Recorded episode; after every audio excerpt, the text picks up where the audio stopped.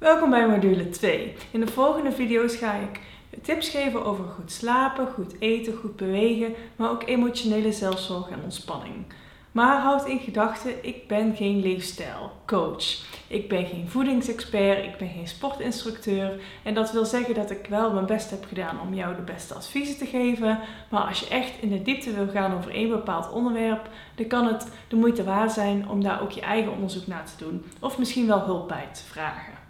Dus ik geef je de beste adviezen, maar ik leg je ook uit hoe je deze het beste in je leven kunt integreren. Want het is één ding om tips en adviezen te krijgen, maar het is een ander om ze ook toe te passen. En dat weet ik. En dat heeft weer te maken met gedragsverandering.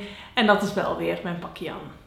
Onthoud ook niet alles hoeft voor jou te werken. Wat voor de een werkt, of voor de ander echt niet zo te zijn. Dus pak eruit wat voor jou goed is. Je kan het op meerdere manieren aanpakken. Je kan eerst alle video's kijken en dan kijken wat jou uh, het eerste aanspreekt, waar je het eerst mee aan de slag wil gaan.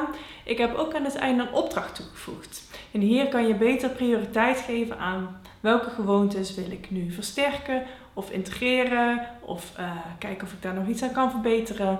Dus wat je ook kan doen is eerst de opdracht aan het einde maken en dan aan de hand daarvan kijken welke video's je eerst kijkt of welke tips je eerst probeert toe te passen. Oké? Ik zie je in de volgende video.